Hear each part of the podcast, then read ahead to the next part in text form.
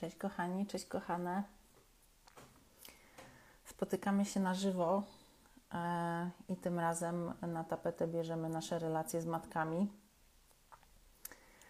e, i będziemy rozgryzać, co tam się za tym kryje i w jaki sposób relacja e, z matką przekłada się na nasze życie późniejsze, na nasze życie dorosłe w jaki sposób na nas wpływa, jakie mechanizmy e, się kryją e, za tym, co tam się w naszym dzieciństwie e, w, w tym temacie działo, no i co z tym robić dalej. Także wrzuciłam Wam naklejkę kilka dni temu, żebyście mogły i mogli wpisywać swoje pytania. Mam je tutaj przed sobą. Tak, wróciłam do domu. No i będę na nie po kolei, po kolei odpowiadała. Dzięki, kochani. No to jest bardzo ważny temat. Dla mnie też był i jest nadal, także porozmawiamy sobie o tym, jak to u nas wyglądało i e, czego nie chcemy, a co byśmy chciały i, i co byśmy chciały pozmieniać. E, mam od Was pytania. E, jeżeli coś w międzyczasie będzie się pojawiało, to, e, to piszcie. Ja postaram się w miarę na bieżąco reagować na to, co, co będziecie pisać, aczkolwiek czasami jestem w takim ferworze, że dopiero wracam do tego, co piszecie trochę później. E, natomiast postaram się tak czy inaczej e, wszystkim, e, wszystkim odpowiedzieć w jakiś tam sposób. Jak zobaczycie, myślę, podczas tego live'a generalnie jakby te pytania są bardzo podobne i, i podobne rzeczy się za nimi kryją, więc myślę, że po prostu wezmę się do rzeczy i, zobaczymy, o co tutaj chodzi i, jak, jak z tym dalej pracować. E, któraś z Was napisała tak: e, Matka, która ciągle o coś prosi i nie widzi, że to dla mnie niewygodne, co robić? No i tutaj e, zacznę od tego, co gdzieś tam mogłoby być chociaż częścią odpowiedzi na niejedno pytanie, które, które żeście do mnie napisali i napisały, czyli krótko mówiąc, matka jaka jest, taka jest i musimy zakładać, że się nie zmieni. I teraz, jak to zwykle bywa w relacjach z innymi ludźmi, e, nie mamy wpływu na drugą osobę, nie mamy wpływu na to, w jaki sposób ona się zachowuje, natomiast mamy bardzo duży wpływ na to, co my na to. E, I teraz, jeżeli masz matkę, która ciągle o coś prosi i nie widzi, że to dla ciebie jest niewygodne, no to tutaj jest wiele warstw. E, po pierwsze, spytałabym się ciebie, gdybyś była u mnie na sesji, czy ty powiedziałaś twojej mamie, że to jest dla ciebie niewygodne? To jest pierwsza rzecz, nie? I tutaj zahaczamy o coś, co się nazywa stawianie granic. E, I e, jeżeli wychodzimy z dysfunkcyjnego domu, to stawianie granic nie jest dla nas łatwe, jest dla nas bardzo trudne, zwłaszcza jeżeli matka jest czy była w dzieciństwie E, osobą, która e, reagowała e, jakąkolwiek formą przemocy na to, że ty na przykład mówiłaś to, co czujesz, albo zachowywałaś się po prostu tak, jak się dziecko zachowuje, nie zawsze wygodnie dla rodziców, natomiast byłaś po prostu sobą. I um, jeżeli tak było, znaczy w ogóle pamiętajcie, że jeżeli jesteśmy, um, jeżeli jesteśmy dziećmi, E, i dysfunkcyjny rodzic w jakikolwiek sposób się od nas odsuwa e, w momencie, kiedy my coś robimy, to my wolimy zrezygnować z siebie i przestać to robić, żeby tylko rodzic się od nas nie odsuwał. Bo jakby w momencie, kiedy jesteś dzieciakiem i rodzic się od ciebie odsuwa, to dla dziecka to się równa śmierć. W sensie, jeżeli rodzic się yy, ode mnie separuje, jeżeli rodzic jakby odsuwa się od naszej relacji, no to ja jako dziecko nie przeżyję bez rodzica. Więc ja wolę zrezygnować z siebie, zrezygnować ze swoich potrzeb, zrezygnować ze swojej jakiejkolwiek tam dziecięcej potrzeby, ekspresji czy czegokolwiek, po to, żeby, żeby być bliżej rodzica. No i teraz, jeżeli to jest Twoja historia, jeżeli Ty przez całe swoje dzieciństwo jakby. Yy, nie mogłaś z różnych powodów o swoich potrzebach mówić, no to stawianie granic będzie dla ciebie bardzo trudne. Natomiast to jest coś, nad czym bardzo warto pracować. E, I tak jak nad wszystkim pracujemy, pracujemy nad tym. E, no właśnie, a jeśli boimy się powiedzieć, że jest to dla nas niewygodne, no właśnie do tego zmierzam, że ten strach, e, który możemy czuć przed postawieniem granicy albo przed powiedzeniem czegoś, co jest dla nas niewygodne, a raczej nie dla nas, a dla tej drugiej osoby może być niewygodne, to jest strach wewnętrznego dziecka, czyli to jest strach, który przydarzył się kiedyś tam w dzieciństwie i idzie, jakby przyszedł za tobą od momentu, kiedy miałaś powiedzmy lat 5 i jest z tobą do tej pory i gdzieś tam cały czas siedzi ci taka mała dziewczynka na ramieniu i mówi ci nie mów, nie mów, nie mów, bo jak powiesz, to mama znowu zrobi to, co zrobiła, jak pamiętasz, jak miałyśmy 5 lat. Więc lepiej tego nie rób, bo mama się od ciebie odsunie, nie?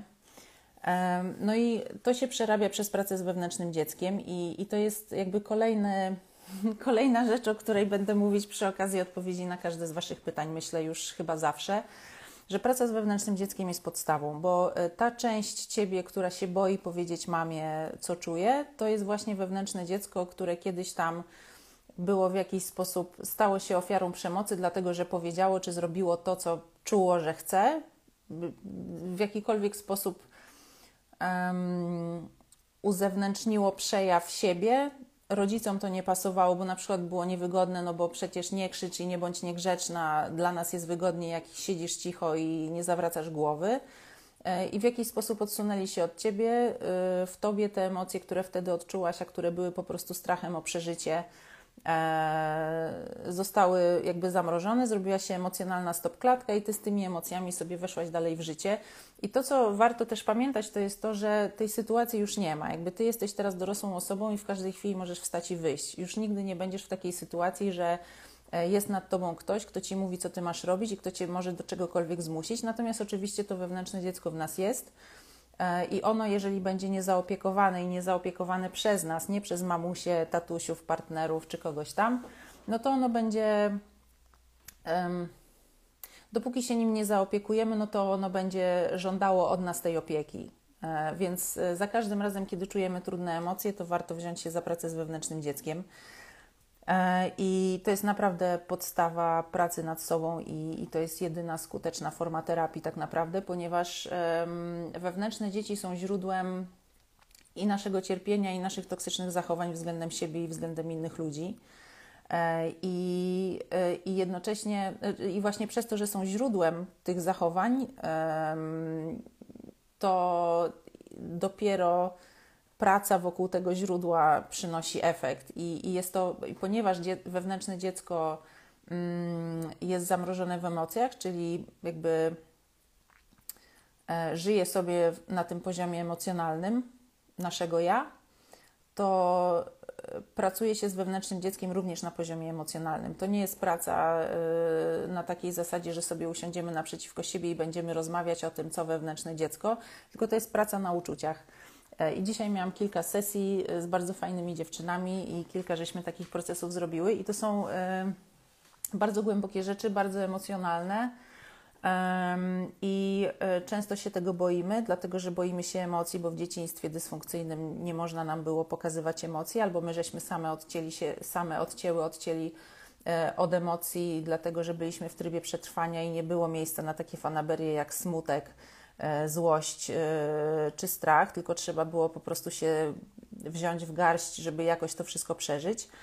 E, I jeżeli tak, jeżeli takie masz doświadczenia z dzieciństwa, no to oczywiście trudno będzie nawiązać kontakt z emocjami, natomiast one są często gdzieś bardzo jakby tuż pod pokrywką i to jest często tak, że na przykład myślimy sobie, y, że nie, no ja to jestem spokojną osobą, ja w ogóle, ja się nie gniewam na nikogo, natomiast jak tak się przyjrzymy naszemu życiu i naszym niekontrolowanym reakcjom y, w różnych sytuacjach, no to się okazuje, że jednak tego gniewu gdzieś tam pod spodem jest bardzo dużo i on się wylewa y, w różnych niespodziewanych sytuacjach, więc jakby praca z wewnętrznym dzieckiem to jest praca na poziomie emocji.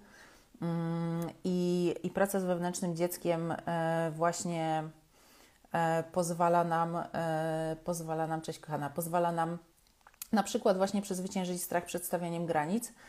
E, a stawianie granic to jest pierwsza rzecz, którą powinniśmy robić w momencie, kiedy nasze granice są przekraczane. I tutaj wracam do tego pytania pierwszego, które brzmiało, że matka ciągle o coś prosi i nie widzi, że to dla mnie niewygodne. Ona może nie widzieć, że to jest dla ciebie niewygodne, E, dlatego że najprawdopodobniej sama cię tak zaprogramowała, żebyś była, e, no żebyś właśnie tych granic nie stawiała. I no, jakby stawianie granic to jest cały osobny temat. E, mam o tym warsztat online, który możecie kupić.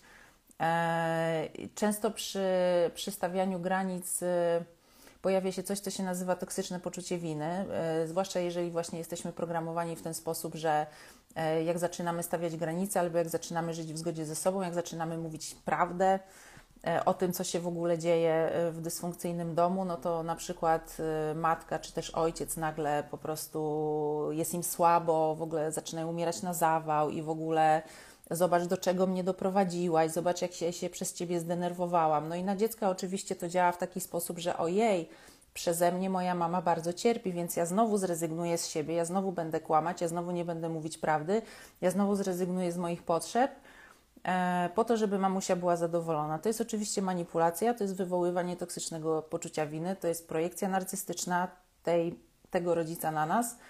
E, I warsztat, o którym mówię, który Wam polecam, jeżeli macie taki kłopot, nazywa się Od toksycznego poczucia winy do asertywności. I on jest dokładnie o tym, jakby jak przezwyciężyć e, dysfunkcyjne poczucie winy, toksyczne poczucie winy i przekuć to w asertywność, bo stawianie granic jest pierwszą rzeczą. Jakby um, dzisiaj nawet miałam fajną sesję przed chwilą z dziewczyną, która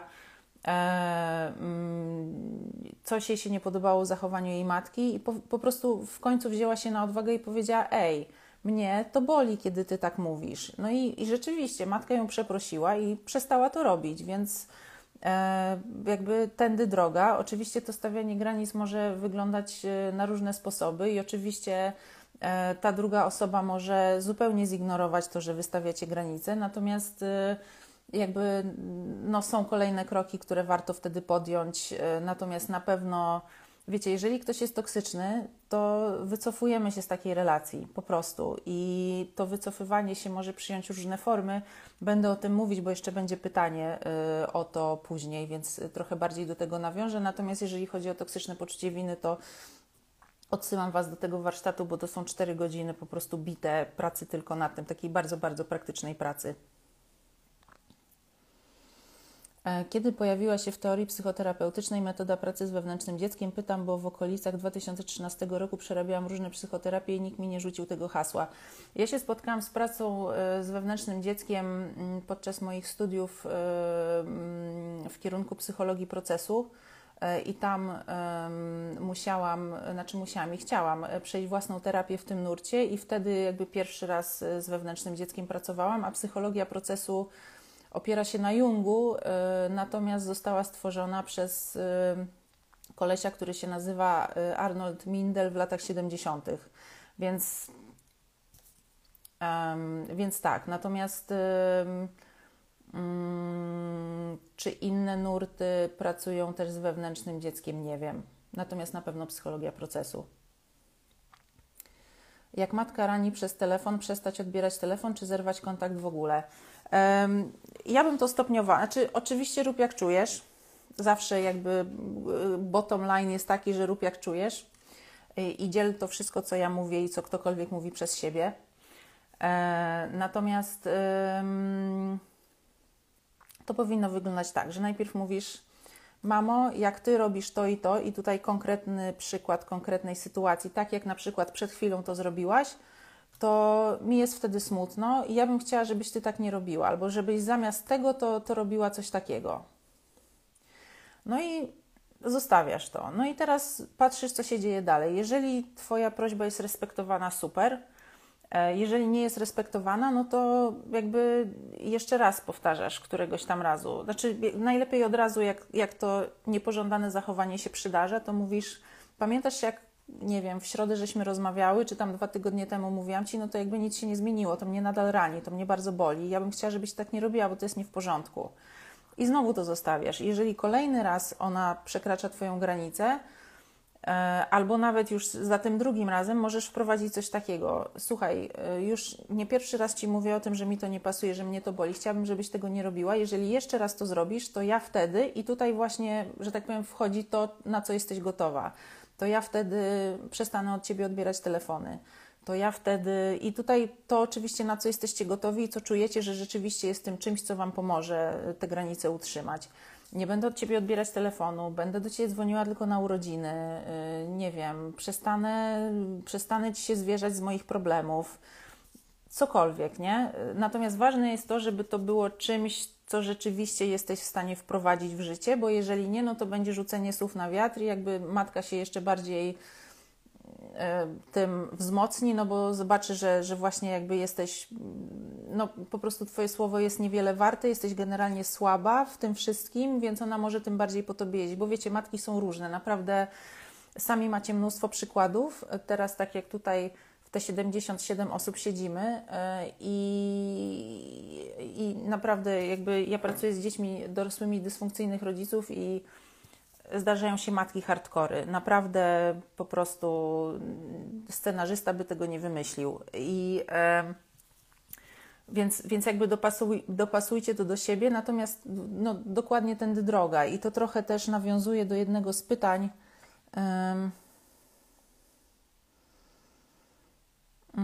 A co jeśli dla mojego dobra najlepiej zerwać kontakt z mamą? Mam 30 lat, nie mieszkamy razem. No i teraz czasami tak jest, że właśnie przesuwasz tą granicę, w sensie jakby okopujesz się na swojej pozycji coraz bardziej, coraz bardziej jakby wycofujesz siebie z relacji z matką w momencie, kiedy ona cię nie szanuje, nie szanuje, nie szanuje. I być może jakby kolejnym krokiem jest zupełne zerwanie kontaktu. I teraz to był mój przypadek, bo u mnie też tak było, że moja mama, mm, i, tutaj też jeszcze nawiążę do, do jednego z pytań a propos przyjacielskiej relacji z mamą, bo mi się też wydawało, że mam po prostu wspaniałą relację z mamą, że my jesteśmy tak blisko. Moja mama była dla mnie w ogóle najważniejszą osobą na świecie. I to już od razu jest wielki wykrzyknik i znak zapytania. W momencie, kiedy na przykład na terapii teraz ktoś mi coś takiego mówi, no to dla mnie to już jest od razu. Hmm. Natomiast jakby taki był mój, mój przypadek. I w momencie, kiedy y, już skrócę to maksymalnie, ale w momencie, kiedy zaczęłam to ogarniać, zaczęłam ogarniać ten temat, no to moja mama oczywiście zaczęła się buntować, mm, no bo ja zaczęłam stawiać granice i się to bardzo nie podobało, no bo do tej pory bardzo korzystała z tego, że ja tych granic nie mam i, i w zasadzie wszystko, co robię, to robię dla niej i mam jakby jej dobro y, głównie na myśli. No i y, słuchajcie, y, moja mama bardzo moich granic nie szanowała i tam no, po prostu wtrącała się we wszystko. Y, no i ja wtedy jeszcze nie byłam taka mądra, jaka jestem teraz, bo byłam przed terapiami, natomiast jakoś tak intuicyjnie mi poszło, że no skoro ona mnie nie szanuje i skoro każda nasza rozmowa kończy się dokładnie tak samo i to jest po prostu jakbyśmy mówiły dwoma różnymi językami, po prostu nie jesteśmy w stanie się dogadać, no to ja to za przeproszeniem pierdolę i po prostu się od niej odcinam, bo naprawdę jakby myślę, że znacie to uczucie, kiedy dzwoni wasza matka, wypatrzycie na telefon i ciśnienie wam skacze po prostu bardzo, bardzo wysoko i y, marzycie o tym, żeby ona jakoś magicznie zniknęła z waszego życia. No więc tak właśnie było. I, ja jej powiedziałam, słuchaj, jeszcze raz nie będziesz szanować mnie i moich wyborów, moich decyzji, to po prostu ja cię blokuję i nie mamy kontaktu. No i tak też zrobiłam. No i moja mama, parę miesięcy później jakoś tam się pojawiła u mnie pod biurem, no i zaczęłyśmy rozmawiać. Ona powiedziała, że ona sobie w ogóle nie wyobraża, żebyśmy nie miały kontaktu. No i rzeczywiście powoli, powoli, powoli yy, okazało się, że ona rzeczywiście to sobie przemyślała, rzeczywiście zaczęła się starać mnie szanować i że, rzeczywiście zaczęła jakby, jakby zwracać uwagę w ogóle na mnie i na moje potrzeby. E, no i teraz mamy naprawdę całkiem spoko kontakt, jakby najbardziej y, prawidłowy i dobry w całej naszej historii. Natomiast y, oczywiście stawianie granic nie daje gwarancji, że ta druga osoba się zmieni, natomiast daje Wam po pierwsze poczucie sprawczości, po drugie chronicie siebie, a to jest najważniejsze. Natomiast jeżeli przy okazji ta druga osoba zmieni postępowanie względem Was, no to, to super, to o to chodzi. Natomiast tak czy inaczej, E, zakomunikowanie swoich granic, powiedzenie o granicach i konsekwentne jakby dążenie do tego, że nie, kurde, to jest moja przestrzeń i ja tego będę bronić za wszelką cenę.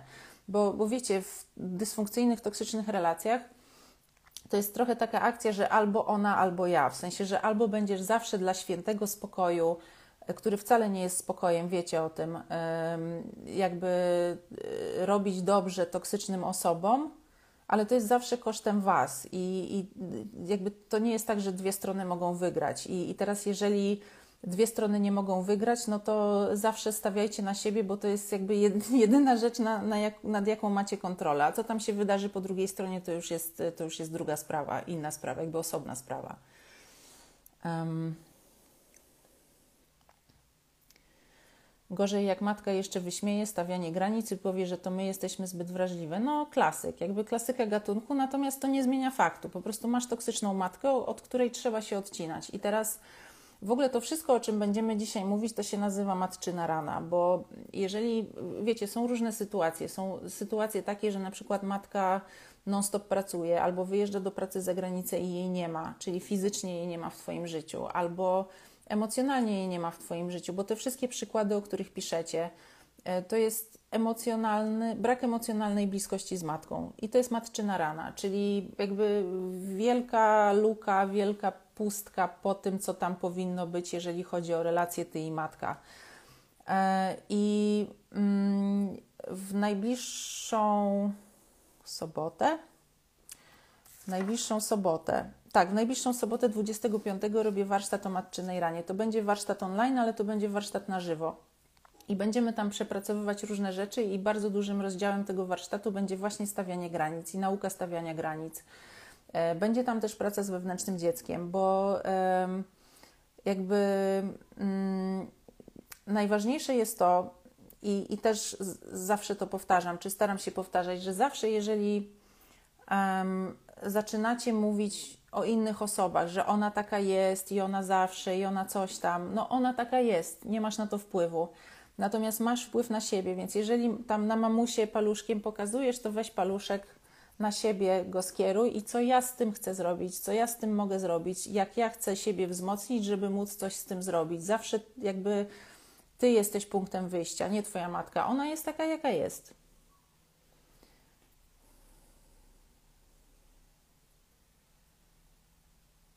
Patrzę. Tak, postaram się zapisać live'a. Eee, tak, tak, dzięki, kochani, kochane. Eee, cena warsztatu 177. W ogóle taka jestem sprytna, że teraz Wam wkleję. Nie, nie wkleję. To nie jestem sprytna. No nic. W każdym razie zuzannakul.com ukośnik sklep i tam macie kategorię warsztaty online na żywo. Um, moja mama na moje stawianie granic reaguje słowami jesteś obrzydliwa, karma wraca. No, projekcja narcystyczna. Kto jest obrzydliwy i do kogo ta karma wróci? W sensie, kto tutaj, jakby, wiecie co, bo jak, jak my jesteśmy w wewnętrznym dziecku, to my nie myślimy logicznie. Wewnętrzne dziecko jest w emocjach. Wewnętrzne dziecko nie siedzi w logice, nie, nie wyciąga wniosków. Jakby mózg, mózg wewnętrznego dziecka nie istnieje. Wewnętrzne dziecko jest w emocjach.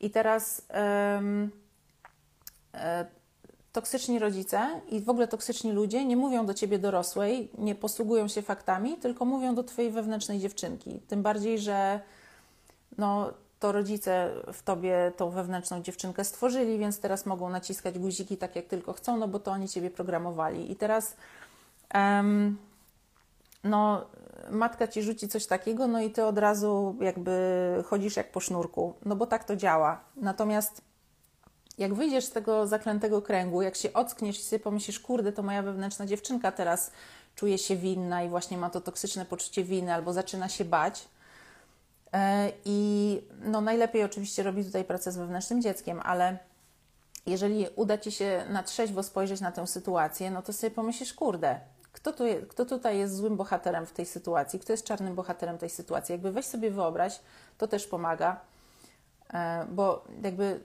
trudno jest być jednocześnie obserwowanym i obserwatorem. Trudno jest być w jakiejś sytuacji i jednocześnie być na zewnątrz i obserwować to z boku, zwłaszcza jeżeli jesteśmy w silnych emocjach.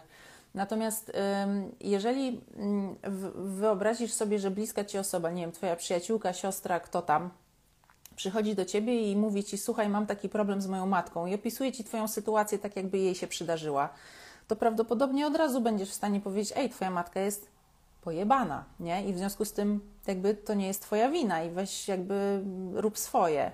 Prawdopodobnie łatwiej ci będzie to powiedzieć niż wtedy, kiedy sama jesteś, w, wiesz, w w amoku, jesteś w emocjach wewnętrznego dziecka, więc jakby spróbujcie na trzeźwo sobie popatrzeć na Wasze sytuacje i zobaczyć, kto tutaj, że tak powiem, odpierdala. Czy to rzeczywiście Wy jesteście takie złe i tacy źli, czy jednak Wasi toksyczni rodzice, czy matki, bo dzisiaj jest o matkach. Więc y, jakby patrzcie na fakty i do tego też dążymy w terapii, że nie jesteśmy w wewnętrznym dziecku, że wewnętrzne dziecko jest zaopiekowane i my możemy z poziomu faktów patrzeć na to wszystko, co nam się przydarza i wtedy widzimy to bardzo logicznie, wtedy wszystko jest prostsze i o wiele łatwiej jest y, w ogóle podejmować dojrzałe decyzje. Hmm. Dlaczego nie widać pytań? Nie wiem. Może, może po, potrzebujesz się wyłączyć i w sensie wyjść z tego live'a i, i wejść jeszcze raz. Dzięki, Hania. E, na początku, jak stawiam granice, jak stawiałam granice, były sprzeczki, wytłumaczyłam to wszystko mamie i mi nawet podziękowała, że jej otworzyłam na pewne rzeczy oczy, że nie zdawała sobie z tego sprawy. No dokładnie, jakby dopóki nie zakomunikujemy, to na pewno nic się nie wydarzy. Więc jakby to jest punkt wyjścia. Natomiast uwaga, nie, nie stawiajmy granic w nadziei, że mama się zmieni, tylko stawiajmy granice po to, żeby siebie ratować. Jeżeli się zmieni, super. Natomiast nie liczmy na to, bo często się jednak nie zmienia.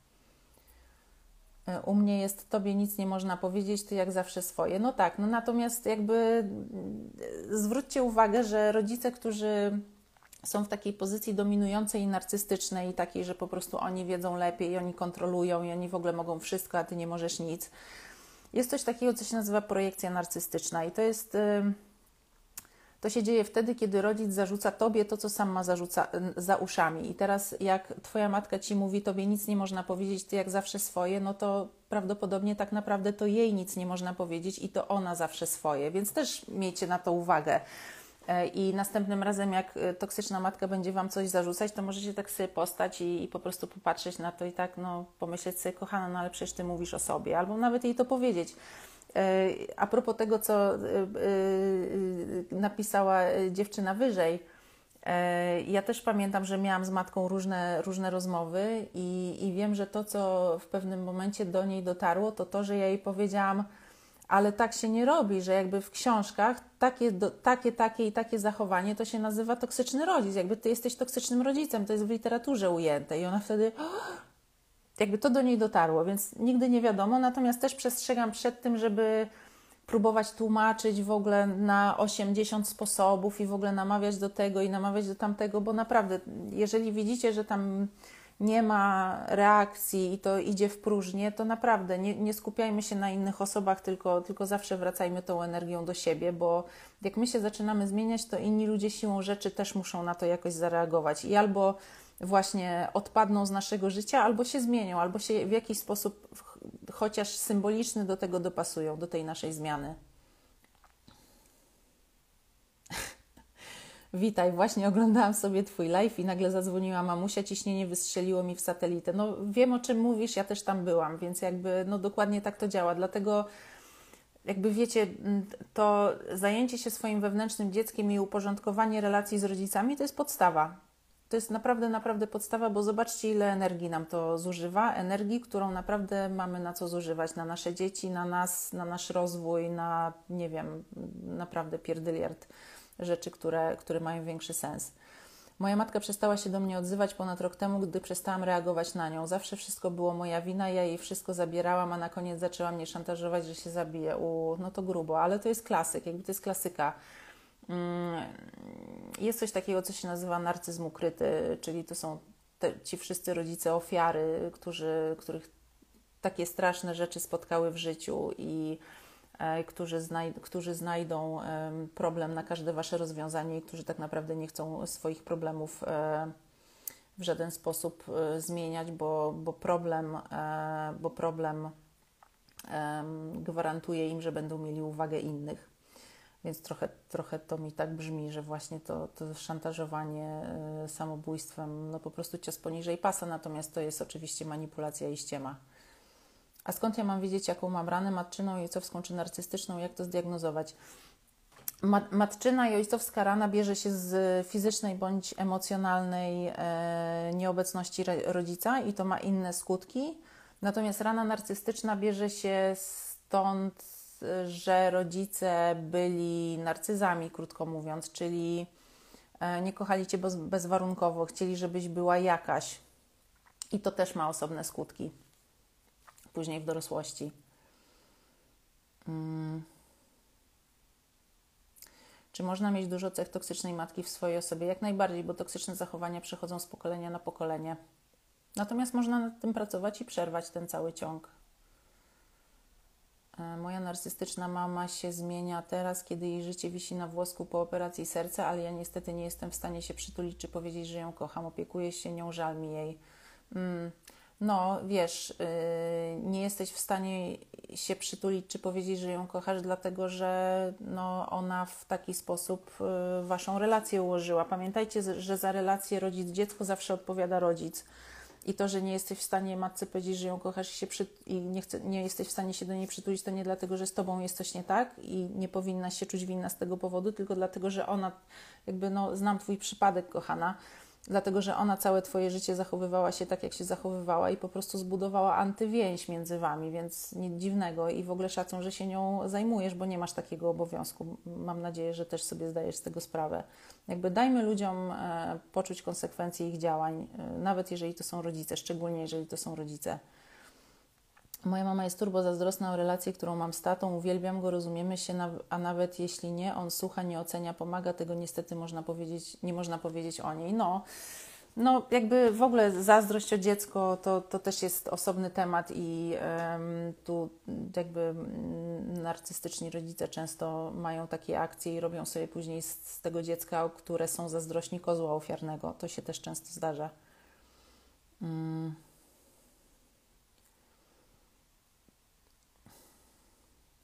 Gdyby nie moje wewnętrzne dziecko i moja córka, to według e, to pewnie, to w ogóle pewnie nie miałabym kontaktu z mamą i to jest smutne. No smutne, tylko że jakby znowu to, to nie jest Twoja wina, tylko to jest wina tego, w jaki sposób Twoja mama Waszą relację e, ułożyła. I tutaj a propos Twojej córki, to wiecie, często mm, macie takie wątpliwości, że no tak, no ale jak ja zerwę kontakt z moją toksyczną rodziną, no to wtedy ja pozbawiam moje dzieci dziadków, no ale jeżeli dziadkowie są toksyczni, to waszym obowiązkiem jest chronić dzieci.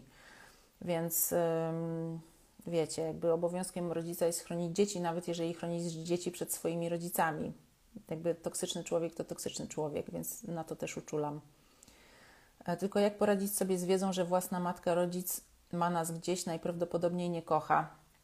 E, no nie jest to łatwe, natomiast polecam książkę Matki, które nie potrafią kochać. To, co jest bardzo ważne, to to, żeby nie zamiatać tego pod dywan i po prostu zacząć przechodzić żałobę po stracie, czyli mierzyć się z tymi emocjami, które się pojawiają.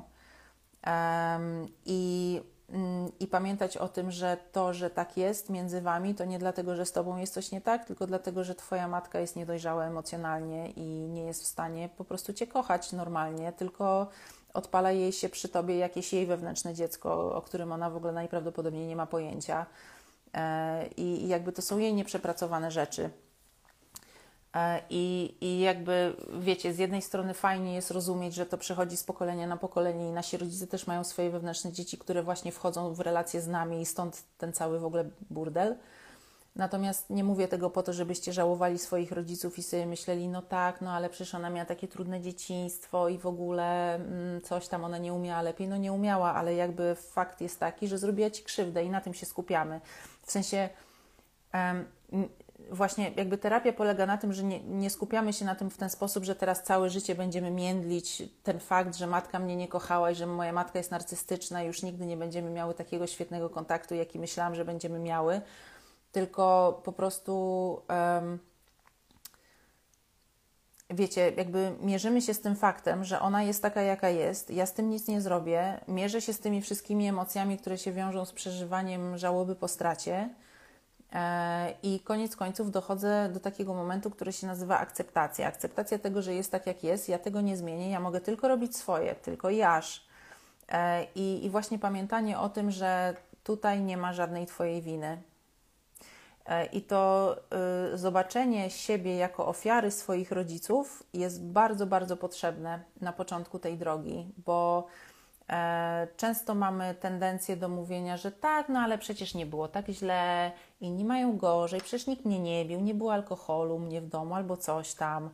E, mm, natomiast, no, jakby mm, wszystko jedno, trauma się wydarzyła, masz teraz to, co masz, i ty byłaś ofiarą swoich rodziców, bo ty byłaś dzieckiem, ty byłaś niewinna, czysta yy, i w ogóle Bogu ducha winna, nie prosząca się na ten świat. Natomiast było dwoje ludzi niedojrzałych emocjonalnie, którzy tam nawyrabiali, co nawyrabiali, i to nie była Twoja wina, tylko ich. Więc jakby um, zobaczenie tego i, jakby, że tak powiem, oddanie każdej osobie tego dramatu, tego, co jest jej, jest bardzo ważne, bo my często wychodząc z dysfunkcyjnego domu, tak jesteśmy zmanipulowani, że, że jakby no, wydaje nam się, że to jest w ogóle nasza wina i że to my jesteśmy tymi złymi. Natomiast no nie, nie jesteśmy. Nam to wrzucono, e, często właśnie projektując na nas e, jakieś swoje niezałatwione akcje. Czy narcystyczna matka potrafi kochać? Nie. Polecam książkę Matki, które nie potrafią kochać. Jak przekonać matkę do terapii? Nie przekonuj, e, rób swoje, pracuj nad sobą, tracisz czas i energię, nie ma sensu. Znaczy, może zasugerować, natomiast jeżeli widzisz, że tam nie ma odzewu, no to po prostu daj sobie spokój. Sama widzi, nie widzi problemu, a wierzy w scenariusze i wydarzenia, które nie miały miejsca. E, obwinia nas o spiskowanie, wyzywając, a potem płacze i liczy na przeprosiny. No brzmi jak narcystyczna matka. Jakby mm, odcięłabym się, znaczy jakby stawiałabym mocno granice i skupiłabym się na sobie i na, na tym, co ja na to? No ona się zachowuje tak, jak się zachowuje. Ona jest taka, jaka jest. Co ty na to? Pasuje ci to? Chcesz w czymś takim żyć? Jakby dobrze ci to robi? Mam 35 lat, a moja mama zawsze hamuje mnie przed każdym pomysłem, żeby pojechać gdzieś sama. I tak się bujam i czekam nie, świat, nie wiadomo na co. Czuję czasem, że coś mi ucieka, choć, nie, choć wiem, że ona się martwi. Kochana, przytulam cię. Wiesz, ona się martwi o siebie, ona cię zaprogramowała w ten sposób, żebyś ty była, e, żebyś ty była blisko niej. Jakby twoja matka zrobiła sobie z ciebie mm, zastępczego partnera e, i, i po prostu ty masz nie mieć życia, czy ty masz żyć dla niej. Więc ona się nie martwi o ciebie, tylko się martwi o siebie. Polecam poczytać o narcystycznych matkach, na przykład książkę Matki, nie, które nie potrafią kochać i książkę Toksyczni Rodzice. Obydwie są autorstwa Susan Forward. Hmm. Jak przekonać mamę do terapii? Nie przekonuj, sama idź na terapię i sama nad sobą pracuj. E, nie, nie bierzmy odpowiedzialności za inne dorosłe osoby, tylko za siebie i za nasze dzieci możemy brać odpowiedzialność. Moi rodzice obydwoje byli alkoholikami, ojca nie było za dużo, a mama oddała mnie na wychowanie do babci. Mm, mama pracowała na dość wysokim stanowisku, a w domu robiła awantury po pijanemu. Ojej, no to matczyna rana i ojcowska rana no, to przykre, kochana, ale można, jakby wiecie, terapia i praca z wewnętrznym dzieckiem robi cuda. W sensie naprawdę można wyjść ze wszystkiego, tylko e, warunkiem wyjścia z tego wszystkiego jest zobaczenie faktów, ale to się dzieje, jakby to się dzieje w ramach terapii. To jest pewien proces, przez który się przechodzi. On jest czasami ciężki, czasami lekki, różny Natomiast będąc pod wpływem toksycznych ludzi, i tak jest nam ciężko, więc równie dobrze może nam być trochę ciężko w terapii, kiedy widzimy, że to coś zmienia na lepsze. Także mm, jakby zachęcam. A jakie niesie ze sobą, za sobą problemy w dorosłym życiu wychowanie bez matki? Zmarła, gdy dziecko miało 3 lata. Opiekę przyjął wówczas, pełno, wówczas pełnoletni brat, któremu wówczas świat się zawalił. No, gruba sprawa. Znaczy, to jest właśnie matczyna rana, czyli wiecie. Mm, Generalnie e, większość jest nas tutaj kobiet, więc e, zasada jest taka, że rodzic tej samej płci, czyli dla nas matka, e, i relacja z rodzicem tej samej płci, czyli z matką dla kobiet, uczy nas relacji ze sobą.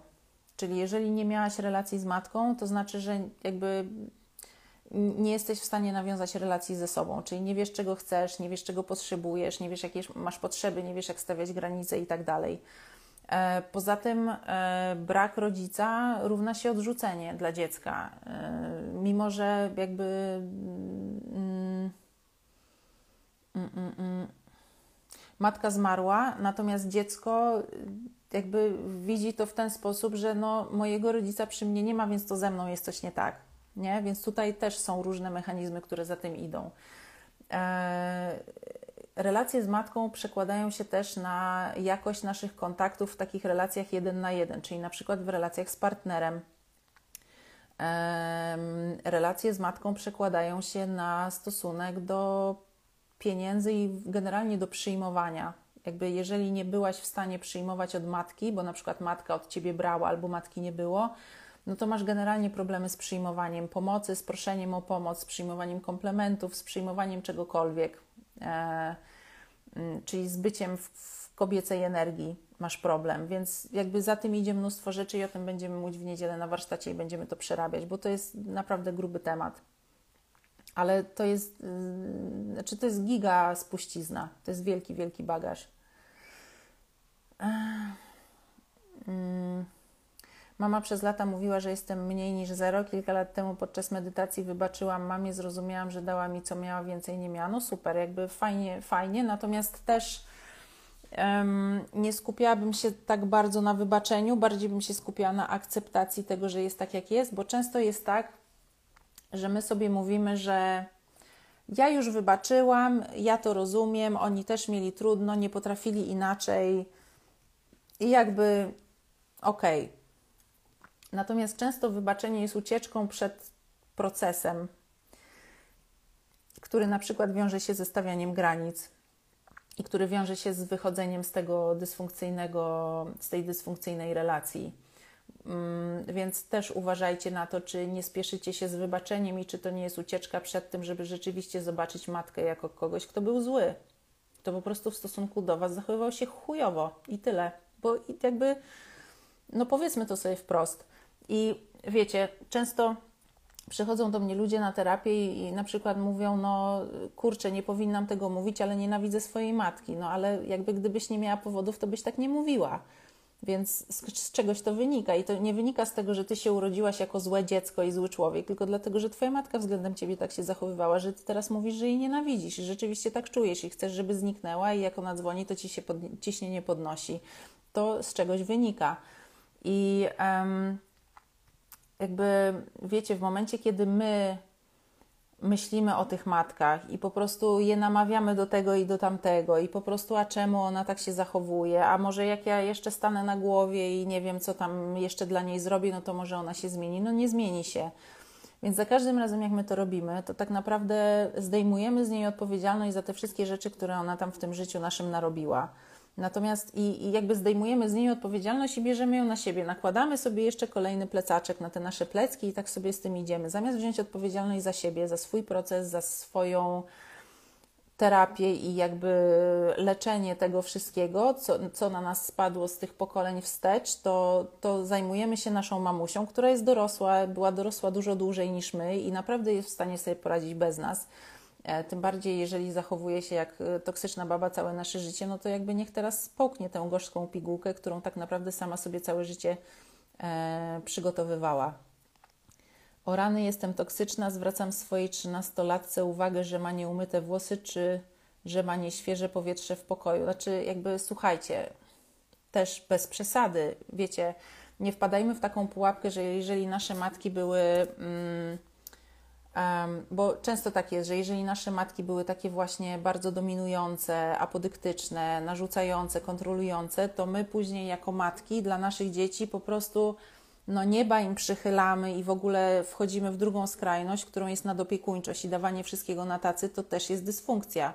Jakby toksyczny rodzic to jest z jednej strony rodzic, który zaniedbuje i stosuje przemoc, ale to jest też rodzic, który jest nadopiekuńczy, który trzyma dziecko pod kloszem i który tak naprawdę nie uczy dziecka życia normalnego, bo to jest funkcja rodzica nauczyć dziecko życia.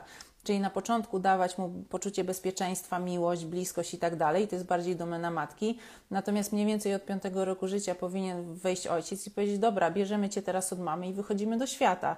I to jest też taka akcja, jeżeli chodzi o ojcowską, matczyną i ojcowską ranę, że jakby brak matki, zwłaszcza w tych pierwszych latach, to jest brak poczucia bezpieczeństwa, takiego pierwotnego, e, poczucie odrzucenia i tak dalej. Natomiast brak ojca to jest często nieumiejętność wychodzenia do świata nieumiejętność jakby w ogóle bycia w świecie, bycia wśród ludzi.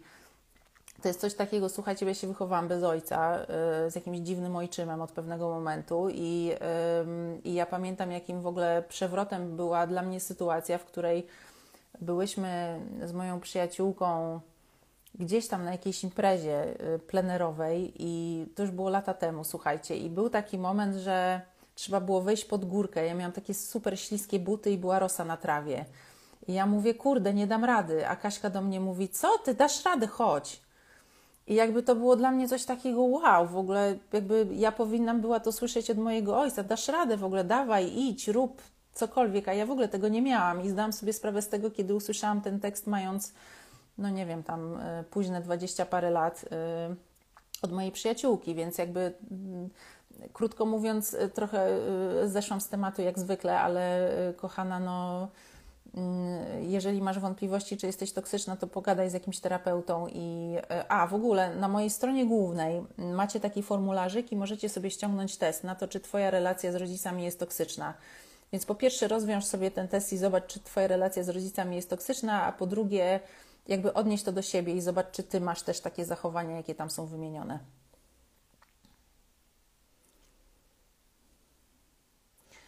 Czy jeżeli czuję, że mam jakieś cechy toksyczne, jedynym wyjściem jest terapia? Pewnie nie jedynym, ale najlepszym, no bo wiesz, w terapii, mm, znaczy po pierwsze to ciekawa jestem, czemu unikasz terapii, może Ci się źle kojarzy albo masz złe doświadczenia, też się stykam z tym. Um, natomiast no jakby terapia jest najlepsza, bo no, terapia to jest relacja jeden na jeden z człowiekiem, który się zna na rzeczy który w ogóle widzi te mechanizmy od razu, jak ty tylko otwierasz usta, albo nawet jak jeszcze nie zdążysz, to już widzi trzy twoje mechanizmy i jakby jest w stanie zaadresować to i, i wiesz, i się do tego odnieść. Warsztaty też są super, jeżeli nie jesteś gotowa na terapię, bo tam już jakieś tropy będziesz miała i, i nawet będziesz sobie parę rzeczy mogła przepracować. Znaczy generalnie wszystko, co cię ciągnie, jeżeli nie jesteś gotowa na terapię, no to jakby nikt cię wiadomo do tego nie zmusi, natomiast jakby ostatecznie to jest najbardziej efektywne, moim zdaniem. Live będzie zapisany, mam nadzieję. To może z innej beczki. A co myślisz, żeby moja mama przeczytała taką książkę, gdybym podarował jej jako upominek? Wiem, że to może budzić w niej emocje, ale podstawowe pytanie, czy to jest yy, i się urwało. Natomiast oczywiście tak, słuchaj, jak chcesz, to dawaj. To, że ona będzie miała jakieś emocje, to jest jej sprawa. Każdy za swoje emocje odpowiada. Nie odpowiadamy za emocje naszych rodziców. Jeżeli ktoś ci mówi, zobacz mnie, do czego doprowadziłeś, zobacz, ja przez ciebie płaczę, ja przez ciebie coś tam, mm, mm, mm, manipulacja. Każdy odpowiada za swoje emocje. Więc oczywiście y, dawaj i kup, natomiast spytałabym, jaka intencja za tym stoi. Y, prawdopodobnie taka, że, żeby mama zrozumiała i się zmieniła. Być może zrozumie i się zmieni, ale są duże szanse, że nie. Natomiast jeżeli czujesz, że tak zrobisz, to zrobić to, to że chcesz tak zrobić, to oczywiście rób. Czuję zażenowanie, mam 44 lata i pochwaliłam się mamie, że lecę na wakacje do Turcji. Usłyszałam, o ty to masz hajs, jestem po rozwodzie dwa lata i rodzice nadal hołubią, hołubią byłego męża. Uuu, toksycznie, toksycznie. Kochana, zajęłabym się Twoją wewnętrzną dziewczynką, która bardzo ma duże braki miłości, akceptacji i takiego właśnie hołubienia przez rodziców i e, odsunęłabym się od nich chociaż trochę, bo a na pewno bym im nie mówiła o moich prywatnych sprawach, no bo widzisz, jakie masz reakcje i jakie słyszysz teksty, nie jest ci to potrzebne. Jestem tu pierwszy raz w ogóle, często robi pani live'y. Nie wiem, czy często. No raz na jakiś czas. Yy, wszystkie masz zapisane mm, na moim kanale na YouTubie, jeżeli chcecie. Niektóre są zapisane na Instagramie, a niektóre są, yy, ale wszystkie są zapisane na YouTubie. Także, także tak. Yy. Mm,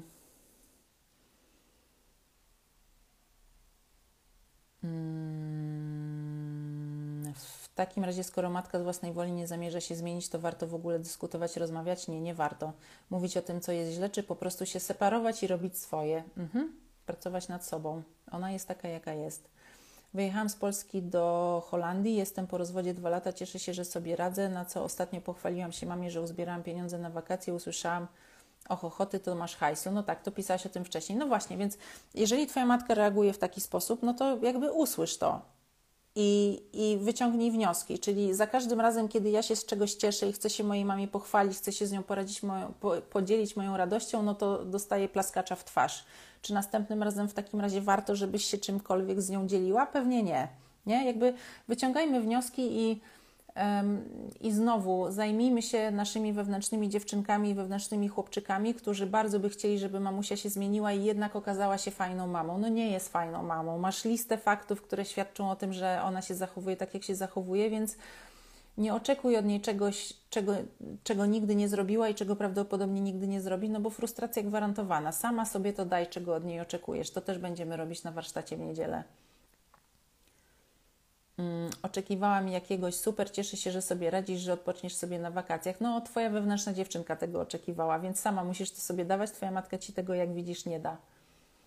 Dlaczego matka kocha jedno dziecko, a drugiego nie? To nie jest tak, że kocha. E, jakby brzmi to po pierwsze jak narcystyczna matka, która traktuje dzieci jako narzędzia do rozgrywania jakichś swoich gierek, czyli jedno dziecko jest e, niby dzieckiem złotym, wybranym i tym w ogóle wspaniałym, które później w życiu sobie nigdy nie radzi, a drugie jest e, postawione w roli kozła ofiarnego, na które się po prostu zrzuca wszystkie winy i, i udaje, że to nie my, tylko to to dziecko jest takie straszne. Oczywiście to jest bzdura E, obydwoje, czy tam obydwie jesteście traktowane jako narzędzia, e, które są potrzebne. Jakby złote dziecko jest po to, żeby powiedzieć kozłu ofiarnemu: No, zobacz, ty jesteś taka beznadziejna, a z twoją siostrą się świetnie przecież dogaduje. E, także, a, a kozioł ofiarny jest po to, żeby sobie podnosić poczucie własnej wartości. No bo jak w ciebie uderzy i powie ci na różne sposoby, że jesteś nie taka jak trzeba, to w swojej niedojrzałości wtedy sama sobie podnosi samooceny i, i w domyśle, no skoro ty jesteś do dupy, no to ale ja jestem super, ja jestem okej. Okay. To ty jesteś zła, ja jestem okej. Natomiast ona na ciebie cały czas projektuje swoje prze, przewinienia. Czy nie wiem, czy na ciebie, ale na tego kozła ofiarnego. Matka i ojciec niedostępni emocjonalnie, wpędzający w poczucie winy, DDA, inne dzieci lubi, a mnie zawsze odtrącała, nie widziała, nie liczyła się ze mną. No jesteś kozłem ofiarnym, klasyka. Natomiast to nie jest o tobie, to jest o nich. To jest niedojrzałość emocjonalna rodziców, którzy nie są w stanie wchodzić e, normalnie w relacje e, z drugą osobą, tylko budują relacje na zasadzie kontroli i strachu. To też jest dysfunkcyjny mechanizm z ich dzieciństwa i to jest ich sposób radzenia sobie z tym, co ich spotkało w dzieciństwie, tak na marginesie.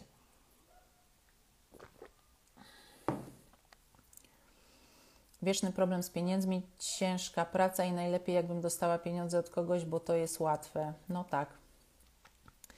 E, jaki warsztat powinnam zrobić, skoro mama zawsze mnie obwiniała za nerwy ojca, że jak się spóźniłam, to już słyszałam, że przeze mnie ojciec będzie się darł na matkę.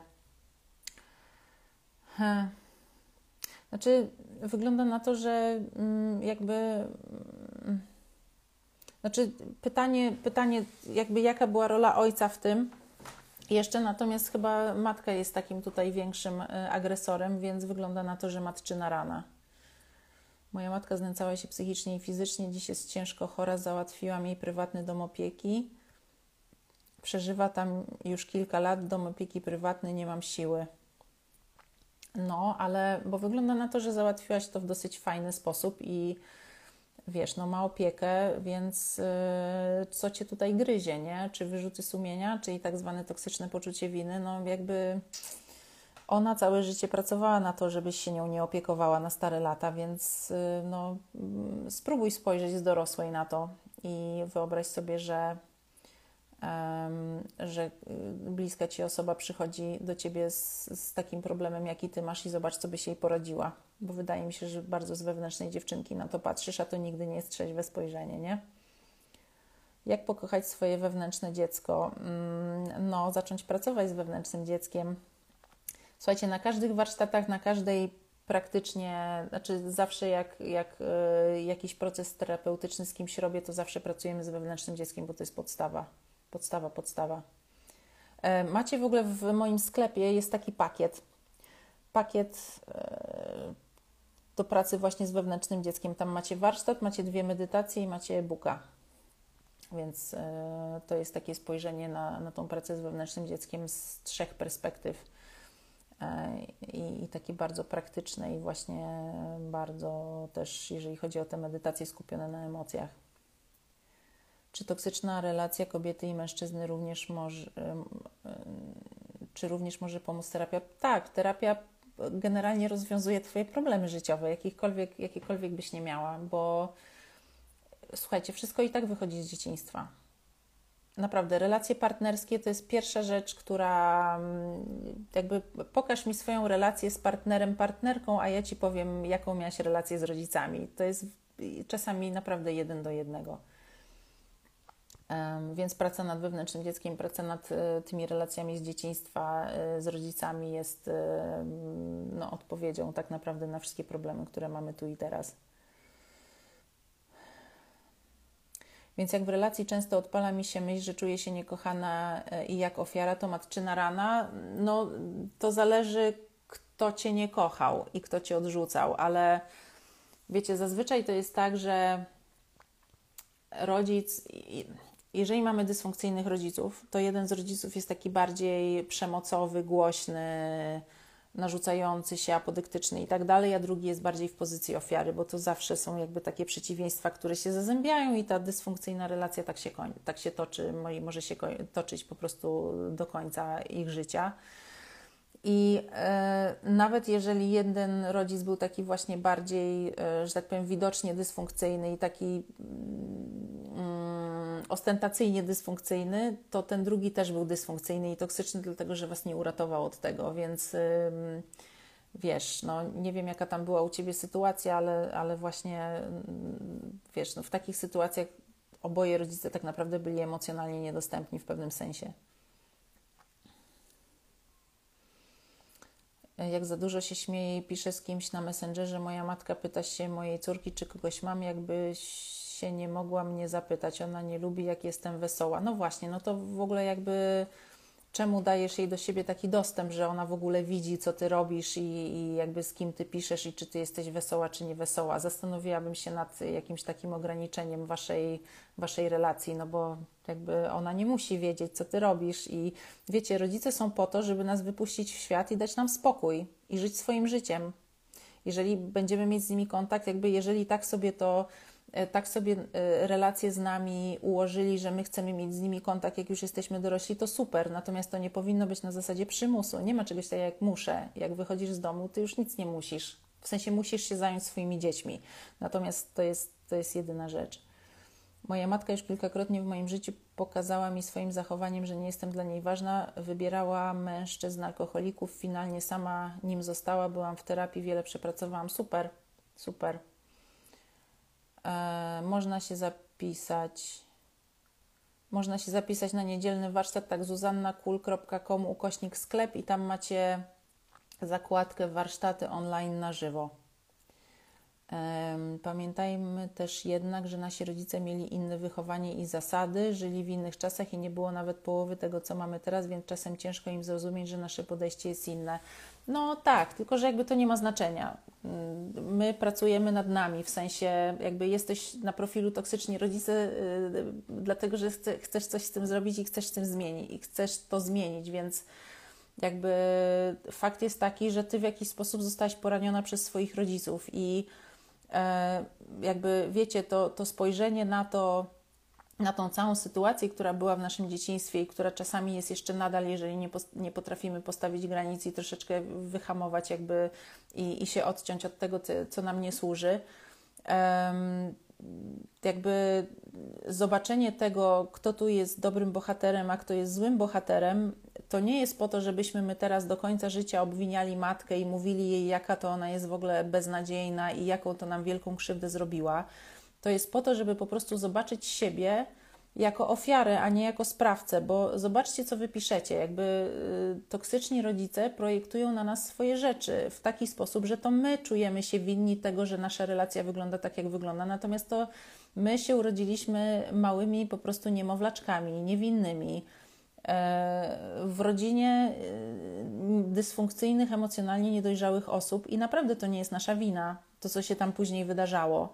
E, mimo że dysfunkcyjni rodzice bardzo chcą rodzi- y, y, swoją winę zepchnąć na nas, przeprojektować ją na nas, a dziecko wszystko weźmie, bo dziecko zawsze jakby dziecko jest zaprogramowane w ten sposób, że bierze winę na siebie i bierze, bierze odpowiedzialność y, na siebie, żeby rodzica przytrzymać na piedestale, bo wtedy czuje się bezpieczniej. E, no i jakby po to to jest, żeby zobaczyć, że, że było tak, jak było, postawić kropkę i zająć się sobą i pracować nad sobą, pracować nad stawianiem granic i tak dalej. E, więc jakby oczywiście fajnie jest rozumieć, że to idzie przez pokolenia, fajnie jest widzieć, że to dlatego, że mojej mamy mama coś tam, a tata to coś tam, natomiast to nie zdejmuje z nich odpowiedzialności i jakby to, to nie zmienia faktu, że zrobili nam krzywdę po prostu i trzeba to nazwać po imieniu, bo wtedy można iść dalej. Jakby nie chodzi o to, że nazywamy to po imieniu i później się w tym pławimy do końca życia i po prostu e, mówimy wszystkim, jak to jest nam ciężko, bo mieliśmy trudne dzieciństwo. No każdy miał trudne dzieciństwo, tylko jakby jak, jak, jeżeli masz e, przestrzeń na to, żeby to zobaczyć i żeby jakby zobaczyć ten fakt, że to oni dali dupy, a nie ty, to później możesz iść dalej. Jakby zaczynasz widzieć rzeczywistość na trzeźwo, zaczynasz wychodzić z tego wewnętrznego dziecka, które zawsze uważa, że jest winne. Zaczynasz widzieć rzeczywistość taką, jaka jest, w związku z tym dalej już możesz żyć jako osoba dorosła, a nie jako wewnętrzne dziecko, które na różne sposoby chce być blisko i, i chce być lojalna wobec dysfunkcyjnego rodzica. Ciągle mam problem z poczuciem odrzucenia. No, wewnętrzne dziecko, warto pracować, bo to bardzo się przekłada na relacje później.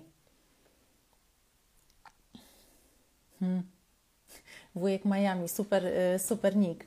E, wujek Miami pisze tak, kurczę, jak tak czytam Wasze wiadomości i słucham założycielki profilu, to serdecznie wszystkich zachęcam do terapii.